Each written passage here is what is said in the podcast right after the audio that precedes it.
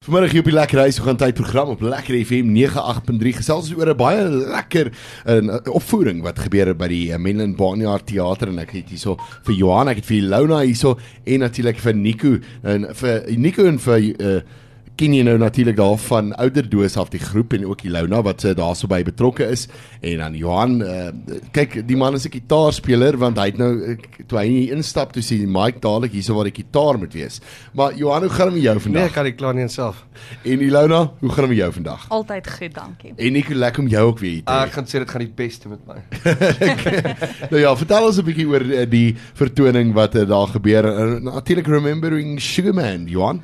Ehm um, ja, wel so ons het maar besluit, jy weet, ek het ek, ek het die een dag toe sê ek vir Nico weer, ek wil ek wil nog altyd 'n Rodriguez tribute show gedoen het en uh, en Nico sê vir my, "Ja, maar die man is mos al lankal oorlede." En ek sê, "Nee, uh sover ek weet is hy nog uh jy weet alive and kicking."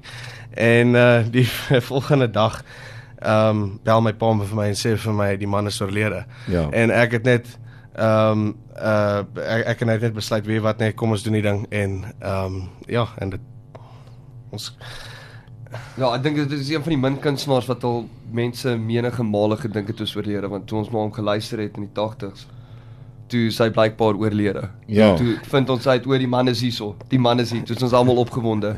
En toe dog ek hy is oorlede in 2008 want ek het 'n um, live wel nie 'n live stream gekyk waar hy opgetree het in Nederland in 'n fees. Ja. En toe het iemand daar in die comments gesê daar's die laaste optrede wat hy gedoen het.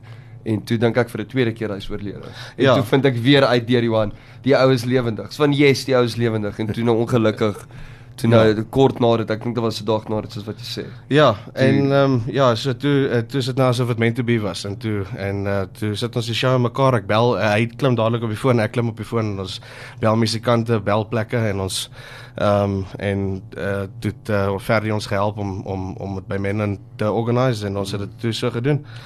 En wat kan mense verwag in hierdie vertoning? Ehm um, as ek vir jou mag vra Nico. Kyk, die ding is van ons almal is verskriklik baie lief vir wat hy gedoen het en wat hy gebring het vir Suid-Afrikaners ja. in die musiek. En ehm um, jy weet ons was altyd stereotypies vir die tipe musiek wat ons geluister het wat internasionaal inkom van Suid-Afrika Suid toe en die tipe impak wat hy gehad het op ehm um, Johan toe hy groot geword het mm. in die musiek en hoe hy my en my pa bymekaar gebring het. So ons probeer net eg waar te bly aan wat hy gedoen het, waarvoor hy gestaan het en wat hy gelewe het. En ehm um, weet ons het dan kontak gekom met sy familie en sy dogters en ons het lank gesprekke met hulle gehad want ons wil nie ons wil nie probeer Rodriguez laat klink soos wat ons wil hy moet klink nie. Ons probeer dit laat klink soos wat hy dit laat klink het. Ja. Ons wil die aand inbring ehm um, en daarin wat sang, hy klink tot op die T presies soos Rodriguez en hy gaan selfs praat soos hy tussen die liedjies. Ons gaan die atmosfeer skep hmm. asof dit nou gebeur in die soor in die 70s. So uh, ons probeer mense laat dink okay, hoor jy ons is nou in Detroit. Ehm um, dis die 70s. Ons is nie in Suid-Afrika nie, ons sit hier ja. in 'n Amerikaanse blues klub en Rodriguez is nog nie ontdek nie. Ja. Hy is op die oomblik, ek dink daarso was hy 34 jaar oud. So dit is die patrol wat ons doen. Ons recreate daai ikoniese show wat hy gespeel het by Soor in die 1970s. Ja. Yes, dis dis ongelooflik. Hey Launa, hierdie gebeur natuurlik by die Menlyn Barnyard. Eh die 25 Oktober. Die 25ste. Ja, en dit is R195 'n kaartjie. Mm. Ja, so dit is oor 2 dae. Ja, ons is baie baie Dis om die draai, om die draai. Ja. So, waar kan mense kaartjies kry? By die uh, Barnyard self. Uh, jy kan by Barnyard kry en uh, as jy op die Remembering Sugarman ehm um, uh, Facebook bladsy gaan, dan sal jy die link in in al die posts kry daarso, dan kan jy net op die link ingaan en hy vat jou direk na die ehm um, uh, dan die Barnyard webwerf toe en dan kan jy net die kaartjies van daar af. Ja, en, ons gee natuurlik ook twee kaartjies weg op uh, vandag se program. Yes. So mense moet asseblief vir ons 'n bietjie uh, laat weet. Sê, stuur vir ons aan die WhatsApp lyn toe. Laat weet vir ons sê vir my ek wil wen. As jy graag dan hierdie vertoning wil gaan kyk dan by uh, Menlyn se Barnyard Theater. Nou kyk dis vir my baie interessant want uh, Rodriguez het groot treffers gehad en uh, een van dit was natuurlik Sugarman geweest. Hy yes. was bekend vir Sugarman geweest. Ehm um, wat watse liedjies is daar nog wat wat jy die aand gaan doen wat mense well, nie nie so noodwendig so goed ken nie. Uh wel ek wil nou nie dat alles weggee nie, maar ja, ons ja. ons gaan ons doen nie uh, ons uh, ons het besluit om die om die eerste album te doen Cold Fact, want vir my was dit die grootste ehm um, ja. wel vir my was dit die grootste impak geweest op my ehm um, uh, musiek. Loopbaan kan ek nou maar so sê. Ehm um, ek het regtig baie baie baie na dit geluister en dit het ehm um, so ons doen die uh, die Cult Fact album en 'n uh, groot uh, van sy groot treffers soos uh, I Wonder was definitief ja. 'n baie grootte geweest wat hy gedoen het en ehm um, Crucify Your Mind. Crucify Your Mind definitief. Dialogue. Yes, ja. Establishment Blues. Daai hele album en ons speel hom wow. ek gaan nou dit weggee. Nee, gee maar weg. Ja.